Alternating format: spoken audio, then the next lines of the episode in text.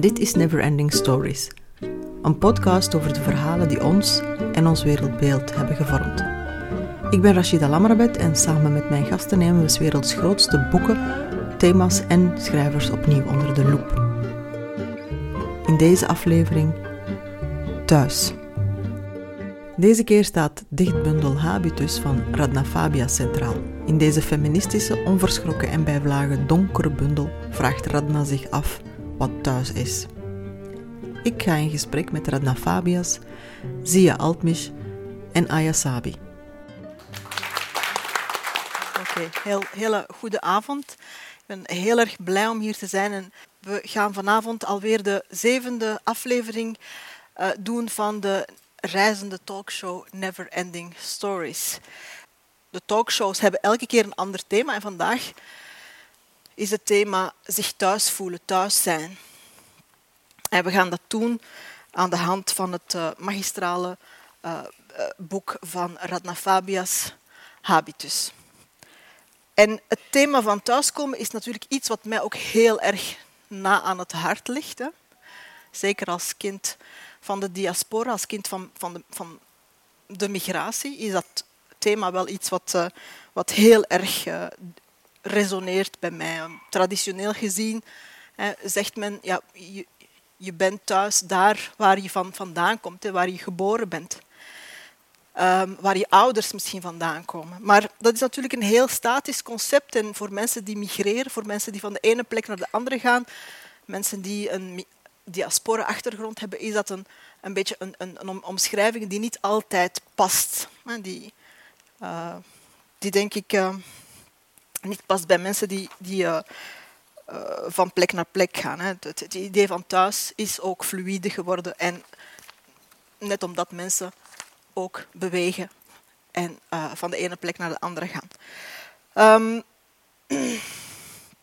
als kind vond ik het eigenlijk niet echt een, een groot probleem om, om, thuis te zijn in, in verschillende werelden. Het is pas veel later als, als opgroeiende dat je beseft, je kan niet overal blijkbaar thuis horen. Dat, er wordt ook een hele binaire opstelling gedaan van wat, wat is thuis en wat is niet thuis. Hè. Um, um, en opgroeiende had ik het idee van ik, ik wil eigenlijk overal thuis zijn. Zeker als schrijfster is het voor mij heel erg belangrijk om thuis te zijn in de wereld. Maar dat is niet, niet, zo, niet zo eenvoudig. Hè. Um, anderzijds is het ook iets wat, als je als kind van de diaspora in verschillende werelden opgroeit en je probeert ergens je thuis te vinden, is het ook interessant omdat je vanuit een heel boeiend perspectief ook naar de wereld kijkt. Je bent enerzijds een insider die naar buiten kijkt en anderzijds een outsider die naar binnen kijkt.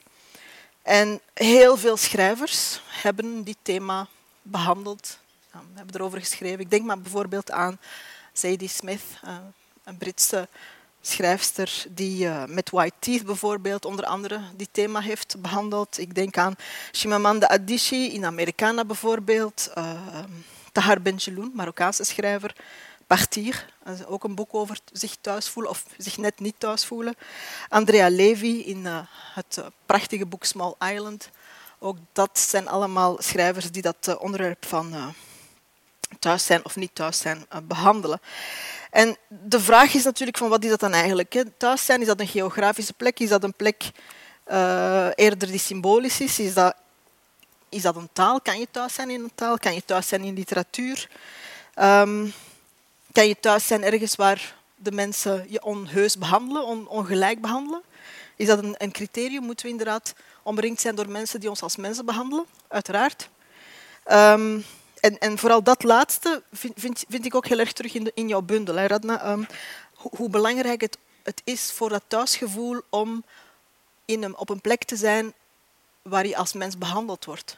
Waar je niet gediscrimineerd wordt, waar je als vrouw ook juist bejegend wordt. Um, en die bundel, daar gaan we straks een beetje verder op ingaan. Um, het is een bundel die voor mij echt wel uh, zinderend is, maar op een... Uh, op een, uh, op een manier die, die, die, die, die echt wel doet, doet nadenken. Het is een bundel die geen enkel taboe schuwt um, en die ook niemand spaart. Een hele openhartige bundel ook, um, geschreven door een subtiele observator uh, van menselijk gedrag. Gedrag dat ook veel vaak dubbelzinnig is. Of verwerpelijk, of gewoon grappig. Een bundel waar vaart in zit. En vooral waarheid.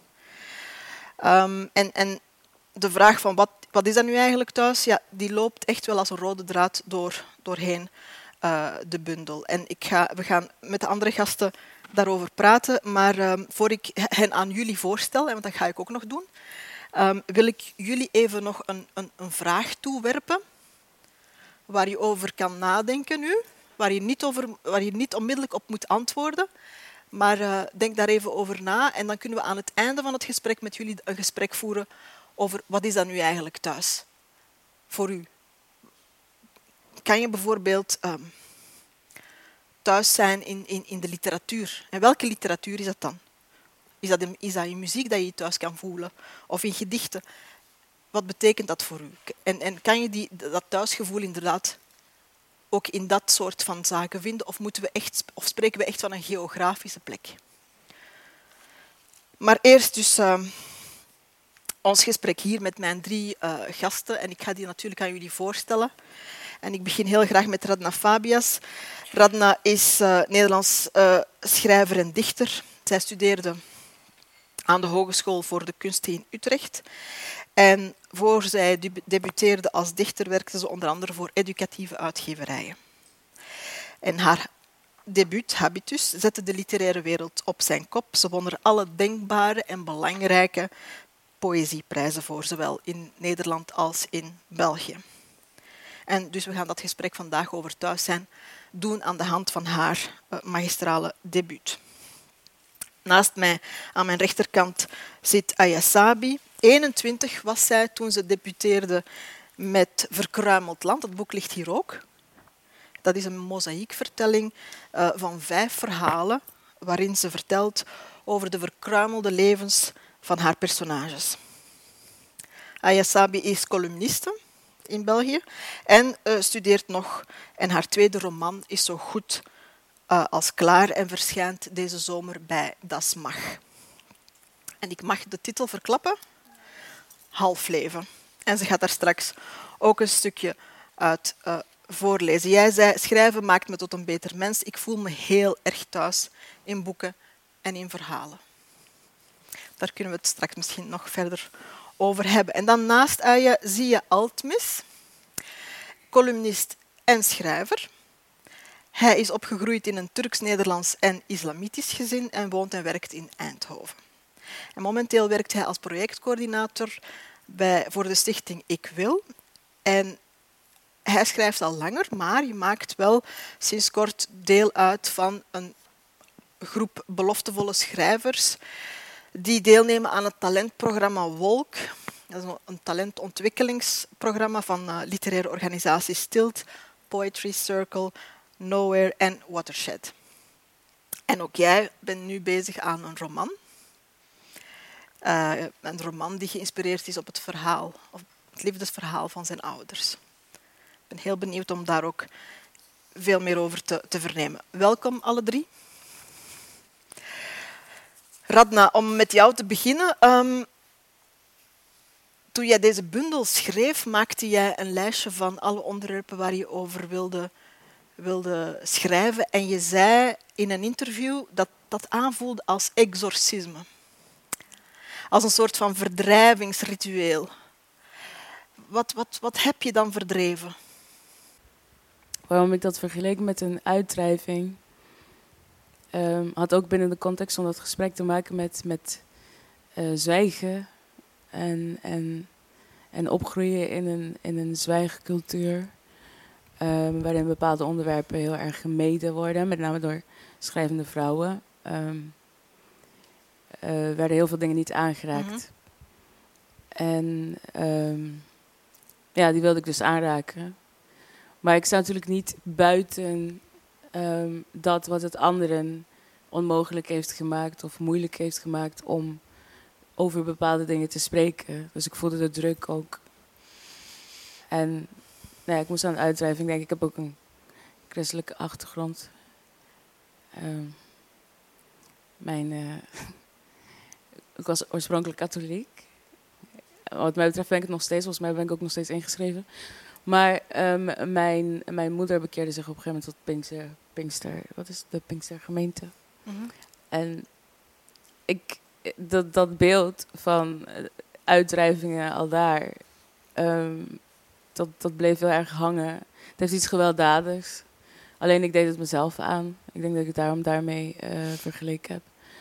Het was een, een, die dingen zaten in mij en ik had daar vragen over en ik had daar gedachten over. En ik heb zoveel gesprekken gevoerd, dat heb ik waarschijnlijk ook gelezen. Dat ik Mhm. bijvoorbeeld heel veel vrouwen ging spreken en ehm, alles wat zich herhaalde eigenlijk eh, aan het verzamelen was. Dus het zat al in mij, het zat in mijn archieven, maar op de een of andere manier was het toch nog wel een drempel ehm, om, om het daar ook echt over te hebben en dan specifiek in geschreven vorm. En ook een manier te vinden om, om, ja, om dat allemaal ook recht te doen, weet je wel. Om het niet al te eenzijdig Mhm. eh, te doen.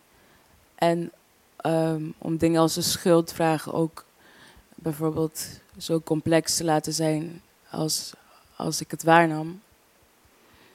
Ehm, dus ja, een, een uitdrijving. Het voelde als mezelf geweld aandoen en, en echt iets uit me stoten. Of steeds opnieuw weer een poging doen om dat maar uit mij te krijgen. En dan ehm, ja, steeds weer zien van, oh ja, het gaat toch niet zo eenvoudig als je zou hopen. En, nou, totdat ik dacht Mhm. van, nou, volgens mij ben ik nu wel ehm, aardig in de buurt gekomen. Zo, zo, zo dichtbij als het kon.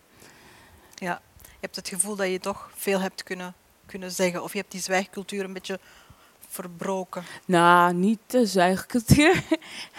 Die is nog levende.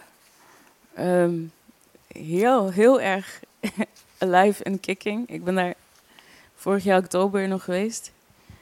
Ehm, dat gaat voorlopig nog niet weg. Ehm, maar dit is dan ook niet een beweging die ik maakte voor het collectief. Mhm. Dit was een, Maar je eigen zwijgcultuur.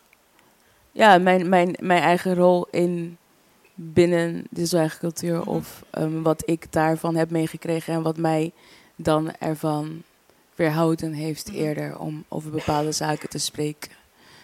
Ehm, ja, daar heb ik al een stap in genomen, Mhm. denk ik. Ja, dat vind ik wel. Ik moet ook niet te voorzichtig zijn. Ik heb daar een stap in genomen. Ja. Ja. Deze bundel heeft je wel veranderd. Ja, zeker. Het schrijven van deze bundel heeft me wel ehm, veranderd, ja. Mhm. Of althans, ehm, het heeft me meer grip ge- gegeven op mijn, op mijn denken. ehm, en op de ervaringen van, van de mensen die mij grootgebracht hebben. En de mensen waarmee ik ook later in aanraking kwam. Mhm. En die soortgelijke verhalen vertelde als de mensen waar ik aanvankelijk mee in gesprek was. Maar dat is met schrijven altijd. Het geeft grip. Het lost niks op. Mhm.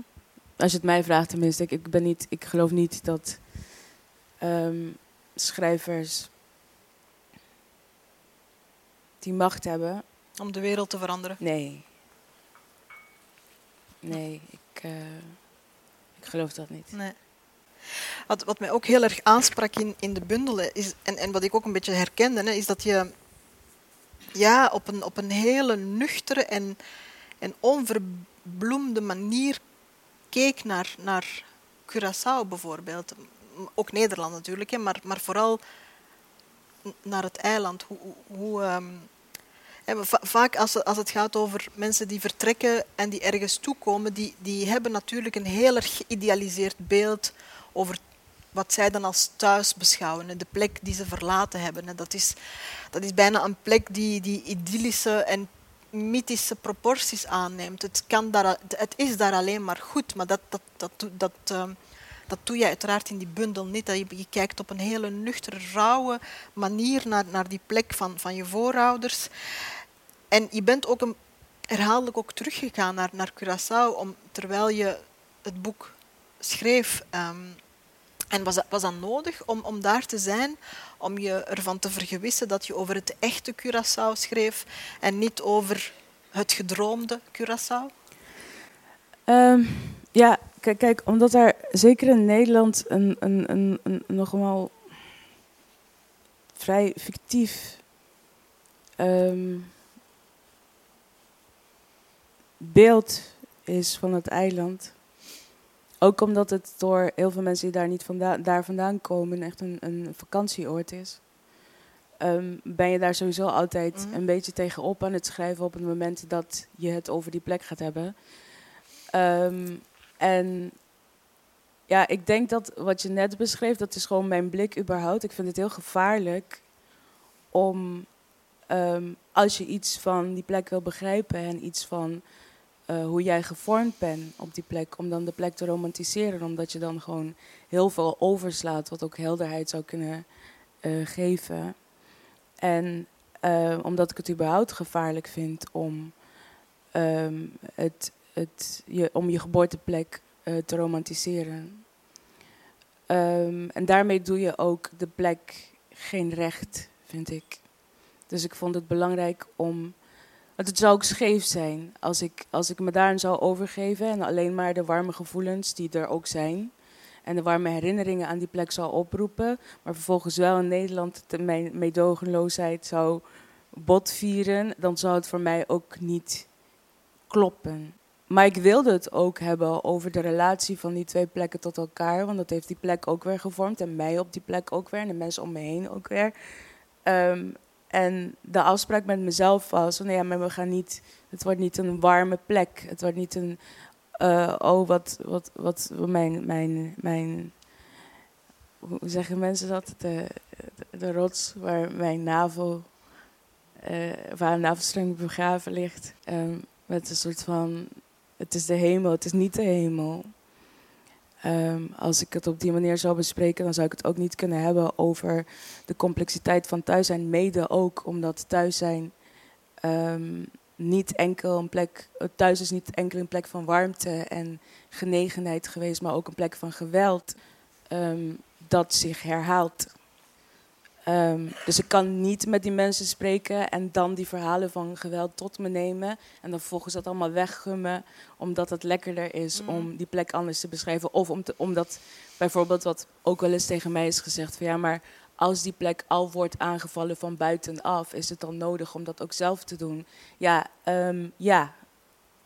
Ehm, als je het mij vraagt. Mhm. Dat vind ik een eerlijke behandeling. En het is geen aanval. En alweer, ik, dit is niet namens een collectief. Dit is mijn waarneming. En ehm, mijn waarneming is zo. Ik kijk ook, als ik terugdenk aan Curaçao, heb ik. eh, Er is zoveel schoonheid en zoveel liefde. ehm, maar er, zijn, er is ook heel veel gebrokenheid. Generaties aan gebrokenheid. ehm, die ook wel te herleiden zijn als je terug gaat kijken in de geschiedenis naar weer gewelddaden die ook niet geheel toevallig uit het noorden Mhm. kwamen. Mhm. Dus ja, ehm, dat is de reden. Ik, ik, ik denk dat dat de enige behandeling is. Als je echt wil begrijpen, of als je echt probeert zo dichtbij mogelijk te komen bij wat Mhm. zich daar afspeelt, dan, dan kun je je niet, kun je het jezelf niet toelaten om alleen maar te, te, te stil te staan bij de schoonheid Mhm. en, en, en, en bij wat daar Mhm. lief en mooi en, en tof aan is. Ik heb wel geprobeerd dat ook te tonen, omdat het er ook was. Maar van mij mag het niet het andere onzichtbaar maken. Mhm. Je wil het, eh, het volledige plaatje tonen ook. Althans, volledig, eh, zo volledig als ik dat kan met mijn woorden en mijn waarneming en mijn blik en mijn specifieke perspectief. Want dat is ook nog een ding. Ik, heb, ik had het net over het beeld in Nederland over een plek als Curaçao. Maar er is natuurlijk Curaçao, er, het is een heel complexe plek, zeker voor zo'n piepklein eilandje. En mijn, mijn waarneming van Curaçao heeft ook heel veel te maken met mijn sociaal-economische achtergrond. Bijvoorbeeld, iemand met een andere sociaal-economische achtergrond op hetzelfde eiland eh, kan mijn binnenlezen en zegt: Dit is onzin. Mhm. Dat bestaat niet. Hm. Ik heb een tijdje geleden ook een vrij zuur artikel wel eh, geschreven ehm, voor het NRC Handelsblad toen ehm, het was het tienjarige jubileum van de opheffing van het voormalige Nederlandse Antillen. En ik weet nog dat mensen toen echt heel boos werden. Ehm, en zeiden van ja, dit is niet Curaçao, dit, dit bestaat niet. Ook als je het bijvoorbeeld over armoede hebt, heb ik gemerkt toen ik daar de laatste keer was. Daar was ik ook om onderzoek te doen, om een serie artikelen te schrijven. Daar ben ik nu mee bezig. Ehm, en je komt daar mensen tegen die zeggen van ja, nee, dat bestaat hier niet Mm. meer. Niet zo. Terwijl, nou ja, ik. Je ziet het. Nou ja, ik ja. Dus ik was bij mensen, dus ik zag dat mensen, weet ik veel, elektriciteit aan het stelen waren omdat ze dat niet konden betalen. Ehm, eh, mensen die onvoldoende te eten hebben. Die mensen zijn er gewoon. Die werkelijkheden zijn er. Maar je kunt prima op Curaçao wonen en nooit in aanraking komen met die mensen tenzij ehm, ze in een, een dier- dienstverlenende functie ergens zijn Mhm. en jou eh, bedienen. Dus ja, ehm, ook dat is er. Ehm, mijn perspectief, mijn waarneming maakt nog niet Curaçao, maar het is wel een, wat mij betreft, wat onderbelichte eh, hoek waar ik vandaan kom. Dat, dat zag ik althans niet snel terug.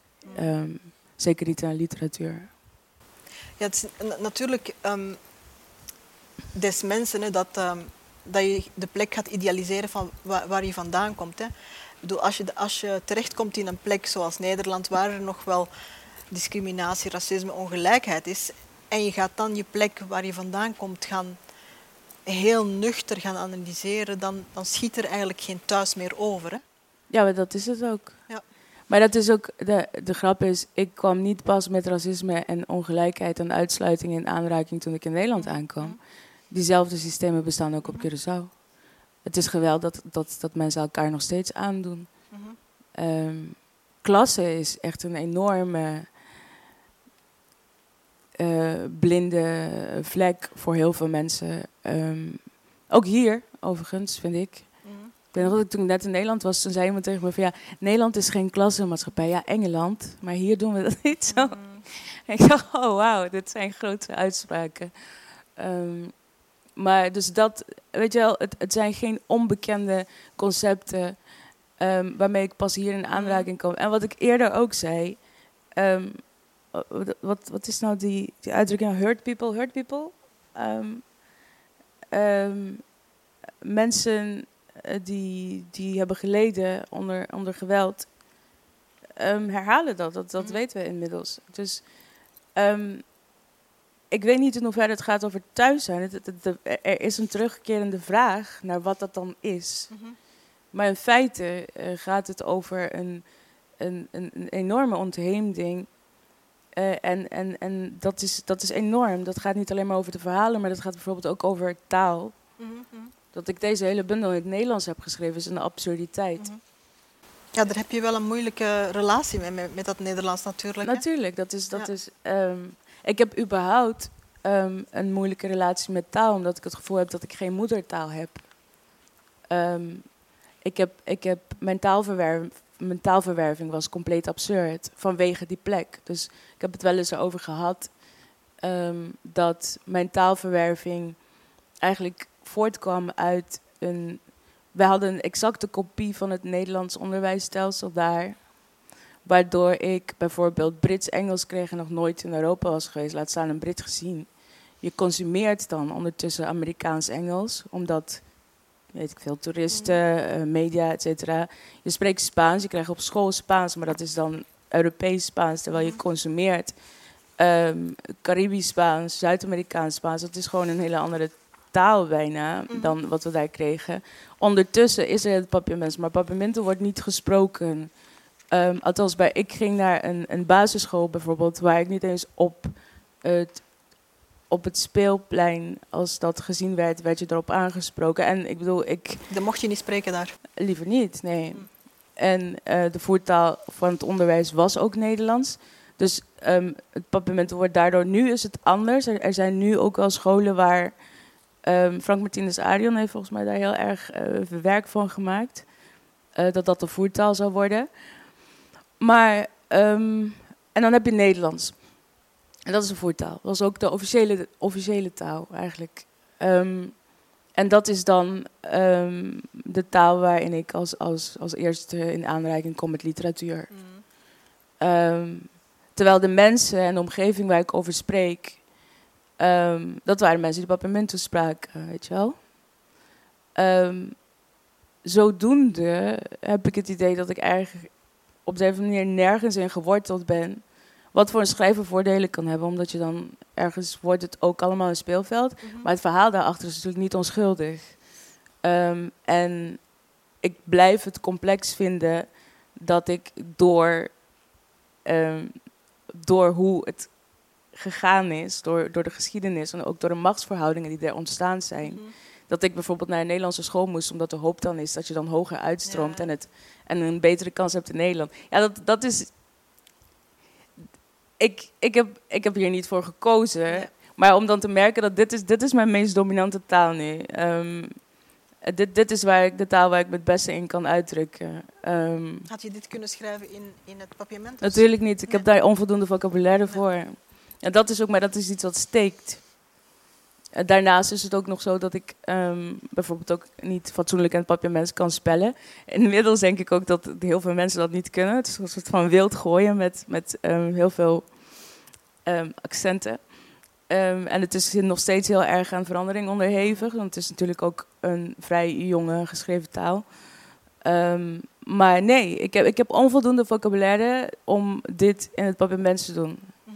Daarbij heb je ook nog het gegeven dat heel veel mensen daar ehm, dit boek niet kunnen betalen. Ja.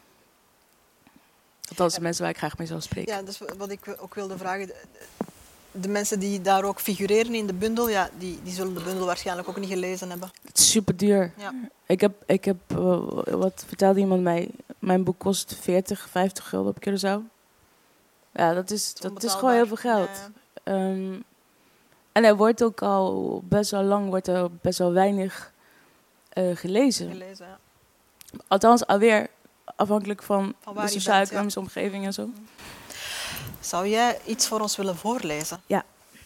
In het begin was het gat en het gat was al gegraven. Tenzij waarnemen tot schuld leidt, was ik niet medeplichtig. Zij, de lewin, zuchtte twee keer diep en ik was er. Onmenselijk teer, ogen als zoeklichten. Ze wikkelde me in een gouden deken die bewerkt was om edo te lijken, maar eigenlijk gemaakt was van het leer van een uitgemolken en voor mijn welzijn en warmte hardhandig geslachte koe. Haar adem stokte. Ze noemde het liefde. Het leek veel op angst. De deken barstte en iedereen zag door het goud heen de huid van de geslachte koe, heel gênant. Er werd gehuild. Het was niet duidelijk of men huilde vanwege de koe of het gebezigde geweld of om mijn vingers, die, zo zei men, gemaakt waren voor het bespelen van piano's die niemand zich daar kon veroorloven. Van één aanwezige wisten we zeker dat ze om de symmetrie van mijn wenkbrauwen huilde. De aanleiding van de rest van het verdriet was minder helder. Laten we het erop houden dat het veel en zilt was. Zij, de lewin, lag op een bed. Het bed was een eiland geworden in een zee van niet naar de bron traceerbare tranen. Iemand zwom mij weg daar. De verloskundige protesteerde. Niemand lette op mijn navelstreng, maar iemand zei: Dit is vasteland.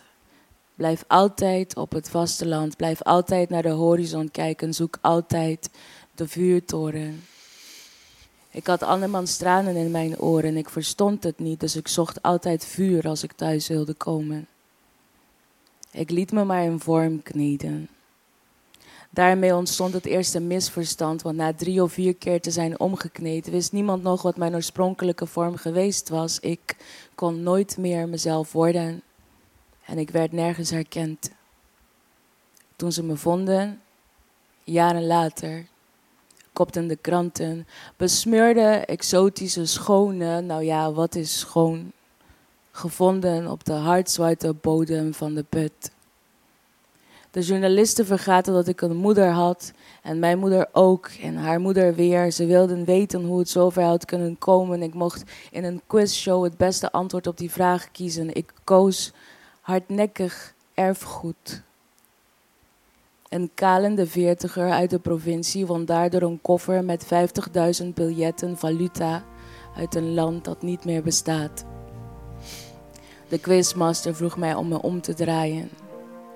De kalende meneer uit de provincie schoof met de ene hand uit zijn andere handpalm de onbruikbare biljetten naar mijn billen. Onderwijl bezong de quizmaster de schoonheid van de regen in Holland. De lachband stond aan. Een geblondeerde vrouw schreeuwde me toe dat ik kreeg wat me toekwam. Haar woede was randstedelijk en Delphisch. De cameraman kon nog net een traan vastleggen. Ook hij vergat mijn moeder en haar moeder en haar moeder en de afwezige vaders toen hij de microfoon tegen mijn lippen drukte. De kalende man bleef de biljetten naar mijn kont schuiven. De lachband stond nog steeds aan.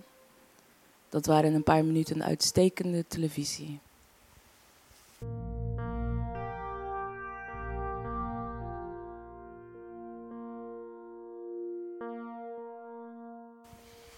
Dankjewel. Dankjewel. Het is niet gezellig, hè? Nee, maar poëzie moet, uh, moet niet gezellig zijn, denk ik dan. Hè? Ja, soms wel. soms, maar niet altijd. Um, die, die, taal is wel een belangrijke, hè, want um, als je zegt van ik heb nooit het gevoel gehad eh, echt een moedertaal te, te hebben gehad. Wij, wij, schrijven allemaal in het, in het Nederlands. Hè. Um, dat is ook de enige taal die, die, die we hebben om, om, om, om aan literatuur te doen, aan poëzie te doen. Hoe, hoe is dat voor jullie? Kan je thuis zijn in een taal die niet gesproken werd door je voorouders? Ja, ik denk dat ik, als ik voor mezelf spreek, dat ik ook een heel complexe band heb met het Nederlands. Ik heb daar ooit een uh, veelvuldig gedeelde column over geschreven. Dus ik denk dat we echt niet de enige zijn. Um, waarin ik eigenlijk schrijf dat het Nederlands nooit van mij is of gaat zijn. Ik vergelijk het met een bord waarin de buurvrouw mij um, koekjes brengt. En dat ik de hele tijd denk van, oh, ik moet dat bord nog terugbrengen. Maar ondertussen gebruik ik het heel voorzichtig, bang om het te breken. Nu ondertussen heb ik het bord gebroken en is het bord van mij. Um, ik heb op zich een heel. Um, ik vraag me dan af van wat is moedertaal precies? Want mijn moeder en ik delen ook niet dezelfde taal. Maar ik denk wel in het Nederlands. Dus ik heb mij dan het Nederlands toegeëigend als uh, mijn uh, moedertaal. Aan de andere kant heb ik ook een uh, minderwaardigheidscomplex, omdat ik niet durf te praten in een taal waarin ik taalfouten maak, of omdat het Nederlands alles is wat ik heb. En dat is ook alles wat ik waard ben, heb ik het gevoel. Vanuit dat idee dat ik mezelf moet bewijzen en mijn plekje in Nederland mm. moet opeisen, of in Vlaanderen ondertussen. Mm -hmm. um, en dat, ik was bijvoorbeeld een keertje op vakantie in Italië en ik had dan ik wou dan bestellen in het Engels en die man wees dan naar het raam waar uh, de vlag van Italië hing en hij zei van, hij bedoelde van hier praten we Italiaans. En ik vroeg dan van, moet ik twee jaar Italiaans studeren voor ik hier twee weken op vakantie mag? Uh, ik weet niet of hij het verstond, um, maar ik hoefde mijn koffie dan ook niet meer. Voor mij ligt dat allemaal heel erg gevoelig. En ook omdat ik in hoe ik schrijf word ik vergeleken met een bepaalde Nederlandstalige traditie mm. uh, onder jonge schrijvers die heel. Um, ik weet het, ik, ik wil hen niet definiëren, maar ik word mijn teksten worden gedefinieerd als uh, heel erg vol en tegen het sentimentele aan. Um, maar waarom vergelijk je me met iets waar ik niet per se binnen wil vallen? Of mm. ik doe mijn best niet om op die manier te schrijven. Dus mm -hmm. um, wil ik ook naar mijn volgende werk vooral vergeleken worden met mezelf. En ondertussen heb ik geaccepteerd dat uh, het Nederlands ook mijn Nederlands is. Mm. Kan je zeggen dat, je, dat, dat, dat, dat de, taal, dat de taal is waarin je je literatuur bedrijft en dat, dat je eigent jezelf dat toe? Ja, ik eigen mezelf dat toe, want ook bij Verkruimeld Land, dat werd dan ook al helemaal gekaderd in een uh, duizend en één nacht vertelling en dat ik Arabisch zou schrijven in het Nederlands. Ik was toen een beetje jong en naïef. Nu zou ik dat niet meer, um, nu zou ik dat natuurlijk niet opnieuw uh, gewild hebben. Maar er is, een, er is een nieuwe traditie binnen het Nederlandstalig gebied. Mhm. En dat hoeft niet meteen weggezet te worden als, um, alsof het een vertaling is van een andere taal of Mhm. een andere traditie. Ja. Dus wat, wat jij ook zegt, je, dat je die, eh, het feit dat je die taal nu van, je, van jou maakt, dat je, je doet daar ook je ding mee natuurlijk. Hè? Je bent Ja. daar ook niet, zoals je zegt, per se vriendelijk voor. Nee, zeker niet. Ik heb, ook, ik heb volgens mij wel duidelijk gemaakt dat ik niet per se eerbiedig omga met de Nederlandse taal. Mhm. Al zeker niet als ik schrijf. Ja. Ik bedoel, als ik praat, dan kan ik afhankelijk van wie ik voor me heb best wel ehm, ABN spreken. Mhm. Ehm, maar dat als ik schrijf, ehm, nee, er is geen eerbied. Mhm. Maar dat is ook het gevolg van eh, het idee hebben dat ik geen, geen, geen moedertaal heb. Mhm. En zeker in de poëzie, dit is, dit is mijn ruimte. Mhm. Als ik het schrijf, is het een gedicht. Ja. Zoals ik het schrijf. Hoe, hoe is dat bij jou? Eh, ervaar je het hetzelfde als het gaat over die Nederlandse taal? Ehm, toevallig had ik het er gisteren met iemand over, hoe ik eh, taal zie voor mezelf. En ik heb een witte Nederlandse moeder, maar omdat ik ehm, ook met een Turkse vader ben opgegroeid thuis en met die twee talen ben opgegroeid ook. En mijn ouders spraken met elkaar Engels, dus wij waren met drie verschillende talen thuis. Ehm, ondanks dat het Nederlands wel mijn meest dichtbijzijnste taal is, is het soms alsof het Nederlands mij niet accepteert. Dus Mhm. dat ik ehm, vaak hoor van eh, hoe goed ik wel niet Nederlands spreek, Mhm. dat ik daar complimenten op krijg. Maar ik voel me ook heel onzeker in al die drie de talen. En dan in het Nederlands vind ik het zo pijnlijk, omdat dat wel is waar ik ben geboren, waar ik ben opgegroeid. En gisteren werd dan ook gezegd, eh, werden mijn D's en T's verbeterd. En dan raakt mij dat van, ja, ik snap wel waarom het belangrijk is, maar alsof ik niet, ehm, in het Turks kan ik het niet schrijven, want dat is Je gewoon zou, je moeilijk. zou niet in het Turks kunnen schrijven. Nee, maar ik Nee. gebruik wel Turkse woorden om het verhaal meer kracht te geven Mhm. en authentieker te maken in mijn eigen beleving. En in het Nederlands kan ik, ja, ik, wat jij ook net zei, ik Mhm. denk in het Nederlands, ik droom in het Nederlands, maar ehm, ja, ik moet mezelf invechten om met het Nederlands één te zijn. Zoiets is Mhm. het, ja. Mhm, mhm, mhm. Heeft dat ook te maken met eh, een gevoel van, eh, maar misschien minder voor jou, maar eerder voor jullie beiden, een gevoel van vernedering ook? Dat, dat je die taal. Ehm, ja, want ik zeg ook altijd dat taalfouten maken een privilege is. En ik heb dat privilege niet. niet. Ehm, ik eh, kreeg een keertje de vraag van een journalist van hoeveel redactierondes rondes mijn boek heeft gehad, waarmee ze eigenlijk insinueerde dat ik het niet zelf geschreven had. Toen ik vroeg waarom, zei ze dat ze ooit één column van mij had gelezen en dat daar een taalfout in stond. Oh, Oké. Is het al erg genoeg of mag ik nog iets toevoegen? en ze voegde daaraan toe van, "Ma- moet ik daar minder zwaar aan tillen omdat je moedertaal niet Nederlands is? Ehm, dus toen antwoordde ik dat, moedertaal, dat, mijn, dat Nederlands wel mijn moedertaal is, maar opeens is zoiets kleins als een taalfout in meer dan 150 artikelen die ik toen had geschreven, eh, iets politieks bijna. Mm, Een symbool voor het feit dat we er nooit echt bij gaan horen. mhm. Dus ben ik gestopt met mijn best te doen. Goed zo. Ehm, jij, hebt, jij hebt toevallig ook vorig jaar een, een heel interessant zomeressay geschreven over thu- thuis. En ja, daar heb je eigenlijk wel iets heel... heel ehm, je hebt ver- verschillende interessante dingen gezegd, maar ik heb er één ding uitgehaald wat ik, waar ik even met jou bij, bij wil eh, stilstaan. Ehm, jij zegt van, waar komt dat voortdurende heimwee vandaan als er ook zoveel pijn is geweest? Ja, heimwee is, naar thuis. En, en ja, waar komt dat dan inderdaad vandaan, hè? die melancholie? Ja, het is een beetje wat Radna beschrijft. Um, ik kan me daar ook helemaal in vinden. Van het feit dat um, er is heel erg veel pijn in onze verhalen. Um, en eigenlijk is de eerste beweging die ik maak, is daarvan vluchten. Omdat ik het niet onder ogen wil komen, maar ook omdat ik maar naar de buitenwereld moet bewijzen van kijk maar, um, je hoeft ons niet, uh, je hoeft je niet met ons te bemoeien. Wij, wij zullen onszelf wel, wij redden ons wel. Wij zullen onszelf wel bevrijden. Dus eigenlijk ben je bang voor het typetje dat de buitenwereld van jou maakt. Als uh, bruine vrouw, als uh, moslima, als iemand met een achtergrond in Marokko.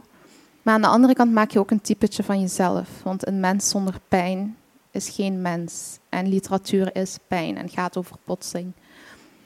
Um, maar inderdaad, door die, de hele tijd die balans te moeten zoeken en door die wrijving ontstaat er wel een extra laag in je mhm. werk. Um, aan de ene kant is er voor mij een heimwee naar toen het allemaal perfect in elkaar klikte en toen je ergens gewoon thuis was en um, daar niet al te veel twijfels of vragen over had. Maar vanaf het moment dat je opgroeit en dat die twijfels komen, kan je nooit meer terug. Um, dan ben je als mens veranderd en dan um, heb ik ook het gevoel dat ik nergens meer thuis ben. Mm Je bent je hebt nu net je, je nieuwe roman afgewerkt, Half Leven. Um, en, en je gaat dus een klein stukje voor ons voorlezen, als, als je dat goed vindt. En het stukje dat je hebt gekozen is eigenlijk een heel strijdvaardig stukje over, over, over sterke vrouwen uit de geschiedenis, uit onze geschiedenis.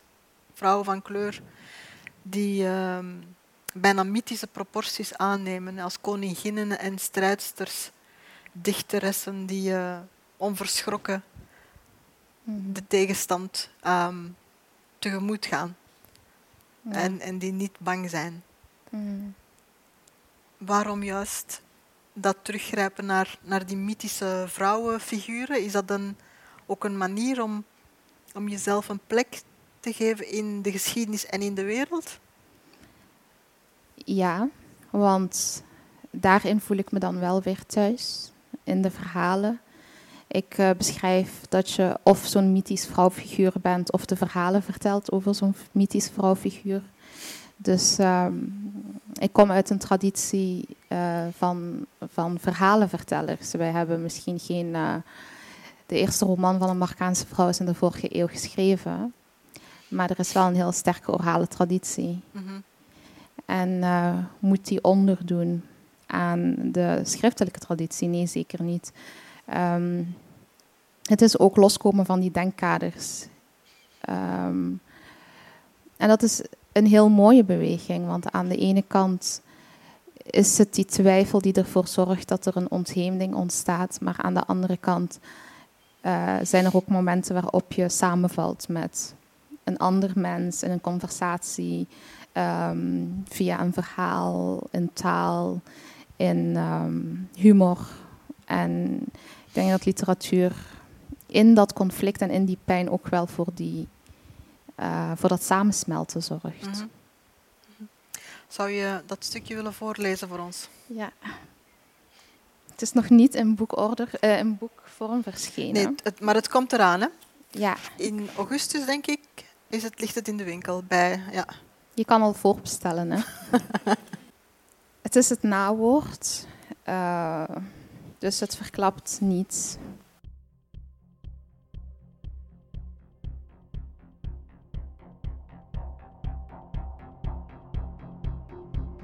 Fatima Mernisi leerde me dat de Marokkaanse vrouw beperkt wordt in haar bewegingsruimte, in haar fysieke vrijheid, omdat ze gevreesd en bewonderd wordt. Ze leerde me dat het patriarchaat in de Maghreb gestoeld is op angst. Vooral voor de magie die al eeuwen het vakgebied is geweest van de Marokkaanse vrouw. En nog steeds is. Zowel letterlijk in geknoopte bezweringen en beschermingsamuletten als figuurlijk, de vrouw die dunne draadjes aan elke ledemaat van de man hangt en hem in haar macht heeft. De draadjes zijn voor hem onzichtbaar, zij is manipulatief en betoverend. Ze zijn bang voor ons. Dit houdt je als vrouw nog steeds klein en dat is problematisch. Maar het wordt gedaan omdat je eigenlijk groots bent, omdat je uit een lijn van heldinnen voortkomt. Zij die de kolonist verdreven, die MS-juwelen met scherpe randen ontwierpen, niet om zich mooier te maken, maar om zich te kunnen verdedigen bij gevaar. Uit deze traditie zijn wij geboren. Je bent of vertelster, of heldin, of allebei. Mijn taal begint bij Shahrazad, die zichzelf en alle andere vrouwen in het koninkrijk bevrijdde met haar verhalen. Bij de vrouw uit de mythe die zeven bergen en zeven rivieren overstak. Bij Hafsa, de dichteres die aanbeden werd door de zoon van de leider van Andalusië en hem in de twaalfde eeuw de poëzie die hij voor haar schreef, retour zond. Hij beweerde alles te weten van de liefde, van de passie, maar zij, als ervaren dichteres, was niet onder de indruk. Het begint bij Aisha Kandisha, die haar man verloor aan de oorlog en zo elke soldaat de oorlog verklaarde. Het begint bij mijn moeder, die haar taal inruilde en me in, voor haar vreemde klanken dezelfde woorden gaf. Dit is de traditie, dit zijn de vrouwen die ons voorgingen, die ons en zichzelf vezel voor vezel, weefsel voor weefsel tot vrouw maakten. Zij voorzien onze cellen van mitochondria, onze mitochondria van zuurstof. Ze draaien hartbuizen tot kamers waarin steeds breder wordende aders uitmonden. En dan baren zij ons en ademen wij onze longen vol lucht. Dit is onze traditie. Er zijn te weinig kaarsen, er is te weinig licht op onze nachtkastjes om alle verhalen verteld te hebben voor het slapen gaan. Het zijn er duizenden. Je hoeft ons niet te redden of te beschermen, wij zijn geen verf voor je schilderijen. Geen ontsluierde nymfe, geen afgevlakt personage voor je bestseller, geen nummertje op je veroveringslijst, geen pion in je politieke spel. Bescherm jezelf voor ons.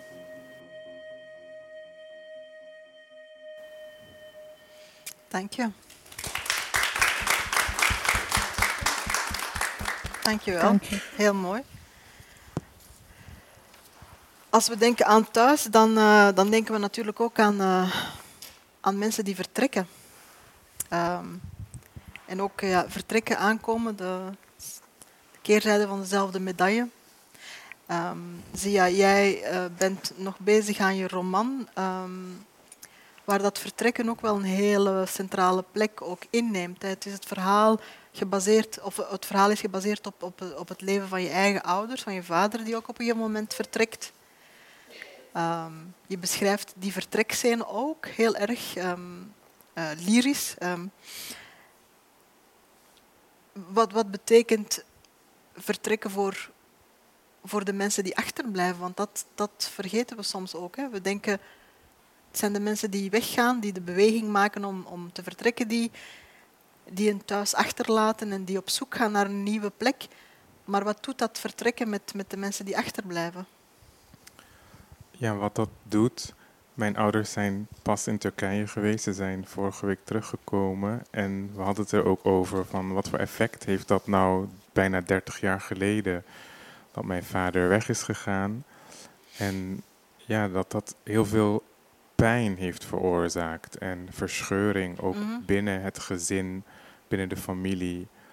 Dat ehm, ja, ik me ook wel kan voorstellen dat zijn zussen, mijn tantes, hem ook wel verwijten van jij bent weggegaan, voor jou is het beter geworden, maar wij zijn wel achtergebleven in dezelfde situatie. En je hebt ook een groot gat achtergelaten als enige zoon van de familie. Mijn opa was toen ook al overleden, dus hij was ook de man van de familie. Dus zij waren ja, met z'n zessen dat ze zorg moesten dragen voor ineens voor alles wat, uh, wat voorheen ook nog gedeeld werd. Mhm. En ondanks, hij ervaart het heel erg als ik ben weggegaan en ik heb geld verdiend en ik heb dat opgestuurd naar jullie. En voor hem is het moeilijk om te zien dat het een hele grote emotionele impact heeft gehad op juist zijn zussen, op mijn oma, zijn moeder, dat vertrek van hem. Mhm, mhm. Dat dat heel veel pijn en verdriet gemis ook heeft gecreëerd voor Mhm. hen. Ja, En het heeft hun thuis ook veranderd. ja precies. Ja, hun thuis is niet meer zoals het toen was. Want toen hij vertrok was het idee, ik blijf daar een paar maanden en ik kom Mhm. terug. Maar het duurde maar langer en langer. En op een gegeven moment mijn moeder, met mijn moeder getrouwd, hier gebleven. Dus eh, Mm. voor hun, ja, wat was, was ineens niet meer. En Mm. moesten zichzelf ook opnieuw hervinden. Mhm. Heb je je vader ooit gevraagd of hij, als hij de, zaak opnieuw zou doen, of hij het opnieuw zou doen? Om vertrekken bedoel ik? Nee, ik heb het niet gevraagd, maar ik denk, zoals ik zijn verhaal hoor, als hij erover vertelt, hij ziet het ook heel erg als dat eh, hij, eh, dat het eigenlijk vanuit God is gewild dat hij naar Nederland is vertrokken Mhm. en dat Het hij, lot. eh, ja, het lot heeft het bepaald voor hem. Dat, hij daar, dat dat niet eens een keuze is geweest. Dat, hij, dat het lot heeft bepaald dat, jij weg, dat hij is vertrokken naar Mhm. Nederland. Ja. Mm. Zou jij een stukje willen voorlezen? Ja. Het is een primeur. Nu ga, nu ga je horen of het eh, resoneert bij de mensen. Ja, inderdaad. Overal waar hij kijkt, lopen er mensen rond. Mensen die elkaar weer zien, mensen die afscheid nemen. Mensen zoals Baruch. Hij is maar één keer eerder hier geweest. En dat was toen Yasin vertrok naar Duitsland. Een paar dagen geleden heeft hij hem een brief opgestuurd om te laten weten dat hij naar Frankrijk komt. Baruch heeft niks van contactgegevens kunnen achterlaten. Hij weet alleen maar dat hij naar Parijs gaat. En daar zou hij op zoek gaan naar werk. Hij wilde eigenlijk naar Duitsland, naar Yasin of naar Nederland. Murat is daar, samen met zijn vrouw Sevim. Ze zijn een paar weken eerder vertrokken. Wie had kunnen bedenken dat Murat ooit Turkije zou verlaten? Of dat Baris überhaupt hetzelfde zou doen? Het inchecken, de bagage afgeven en het zoeken naar de paspoortcontrole verloopt in een waas. Anne loopt rustig naast Baris. Zehra knijpt zijn hand vast. Zijn hart bonkt in zijn keel en het prikt achter zijn ogen. Het is bijna zover. Olum, je hoeft het niet te doen. We vinden wel een andere manier, zegt Anne. We hebben alles geprobeerd. Zehra heeft haar Abi nodig. Baris kijkt naar Zehra. Ze laat zijn hand niet los. De tranen lopen al over haar rode wangen. Met zijn vrije hand aait hij over haar lange krullende haren. Geen vader, geen oudere broer. Hij slikt en voelt zijn hart nog harder kloppen. Hij kijkt naar Emine en Sevgi en naar Gökhan. In de tijd dat ik er niet ben, kun jij dan de rol van Abi tijdelijk overnemen? Natuurlijk, Baris. Ik zal zorgen voor je zusjes alsof het de mijne zijn. Het is maar voor drie maanden, dat is nog te overzien. En misschien moet hij Gökhan een eerlijke kans geven. Ook al zegt geld niet zoveel. En zo rijk is hij nou ook weer niet. Dankjewel Gökhan, Allah razı olsun. Ze schudden elkaar de hand. Dan richt Baris zich tot Sevgi en Emine. De twee kunnen niet nog meer van elkaar verschillen. De kalme en bedachtzame Sevgi en de altijd grenzen opzoekende en impulsieve Emine. Zorgen, goed voor, jullie goed voor elkaar? En ook voor Anne. Vooral jij, Emine. Abi, laat me met rust. Ik weet dat jij denkt dat je het beter weet dan ons allemaal, maar voor je het weet maak je een fout en dan ben ik er niet om deze op te vangen. Luister naar Anne of naar Demet en Sevgi. Maak je maar geen zorgen, Abi. Ik zal wel op haar letten, zegt Sevgi. Daar vertrouw ik op, maar niet op Emine, denkt Baris bij zichzelf. En laat Abla je niet volpraten met gekke ideeën. Ze mag dan ouder zijn, maar zo gedraagt ze zich zeker niet. Emine kijkt weg. Kom op, omhels je Abi, Emine, zegt Anne. Emine geeft Baris een kleine omhelzing. Hayırlı yolculuklar Abi. Baris en, Abi, eh, en omhelzen elkaar. Sevgi kust hem op zijn wangen. Hij houdt haar nog eenmaal stevig vast en richt zich dan tot Zehra. Zehra, Jum, je hoeft niet te huilen. Dit is geen afscheid. Ik ben nog kort weg. Dan, ik ben nog korter weg dan mijn militaire dienst. Voor je het weet zien we elkaar weer. Ik wil niet dat je weggaat, Abi. Ik kan ook gaan werken. Ik kan ook meehelpen. Nee, jij moet naar school gaan. Jij moet verder studeren. Jij zult de eerste zijn van onze familie die naar de universiteit gaat. De eerste die goed en eerlijk geld zal verdienen. Ik wil niet naar de universiteit gaan, Abi. Ik wil dat je blijft. Ik wil gaan werken. Kızım, Abi gaat voor jou weg. Hij gaat ervoor zorgen dat jij juist niet hoeft te werken, zegt Anne. Kijk naar al jouw ablalar. Iedereen is gestopt met school. Jij niet. Zehra kijkt naar de grond. Frustratie tekent haar gezicht. Barış omhelst haar, legt haar hoofd op zijn schouder. Haar hoofd trilt. Abi houdt van jou, Zehra. Zo ontzettend veel en je begrijpt het nu nog niet, maar het is goed dat ik wegga. Zehra klampt zich nog harder vast. Ik zal jullie iedere maand iets laten weten. Na de derde keer, dan zien we elkaar weer. Barsch probeert, te komen om, probeert omhoog te komen om zich tot een Annette te richten. Maar Zehra laat niet los. Om hen heen staan ook andere families afscheid te nemen. Mensen die vol verdriet achterblijven. Hun familieleden al missen voordat ze door de controles zijn gelopen. Nedja plaatst haar hand op, Anne plaatst haar hand op Zehra's hoofd. Aait haar voorzichtig. Kızım, kan ik ook afscheid nemen? Zehra schudt haar hoofd, maar laat Barış dan uiteindelijk los. Sevgi pakt haar vast. Inmiddels zijn Barış brilglazen beslagen.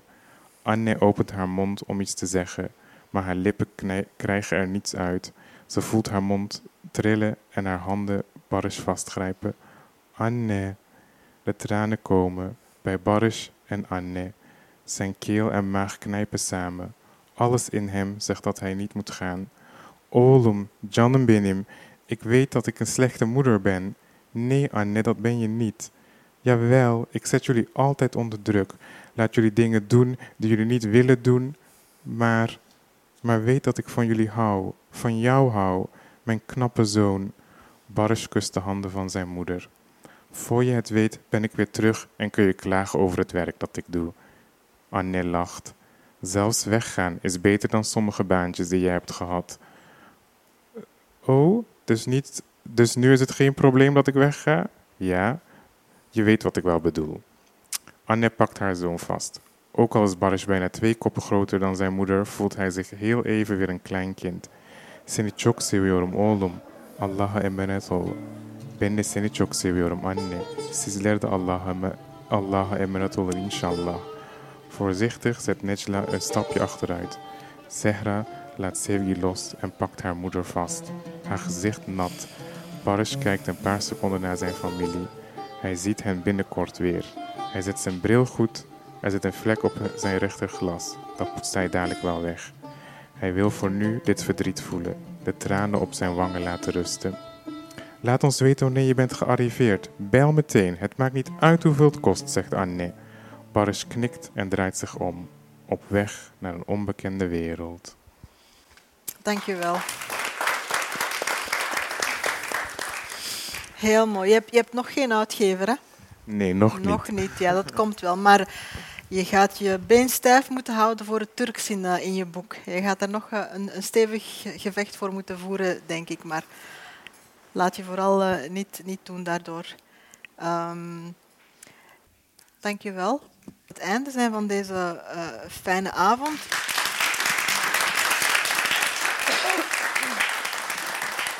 Dit was het einde van de aflevering. In deze podcast hoor je fragmenten uit Habitus, de dichtbundel van Radna Fabias, Half Leven, de roman van Ayasabi die dit jaar verschijnt, en fragmenten uit een boekinwording van Zia Altmis. Neverending Stories is een initiatief van Rose Stories in samenwerking met de buren, Writers Unlimited, Landhuis Bloemhof en Watershed en wordt mede mogelijk gemaakt door Literatuur Vlaanderen, het Nederlandse Letterenfonds, Fonds 21 en het Prins Bernhard Cultuurfonds. Opname en montage door Jelena Schmitz.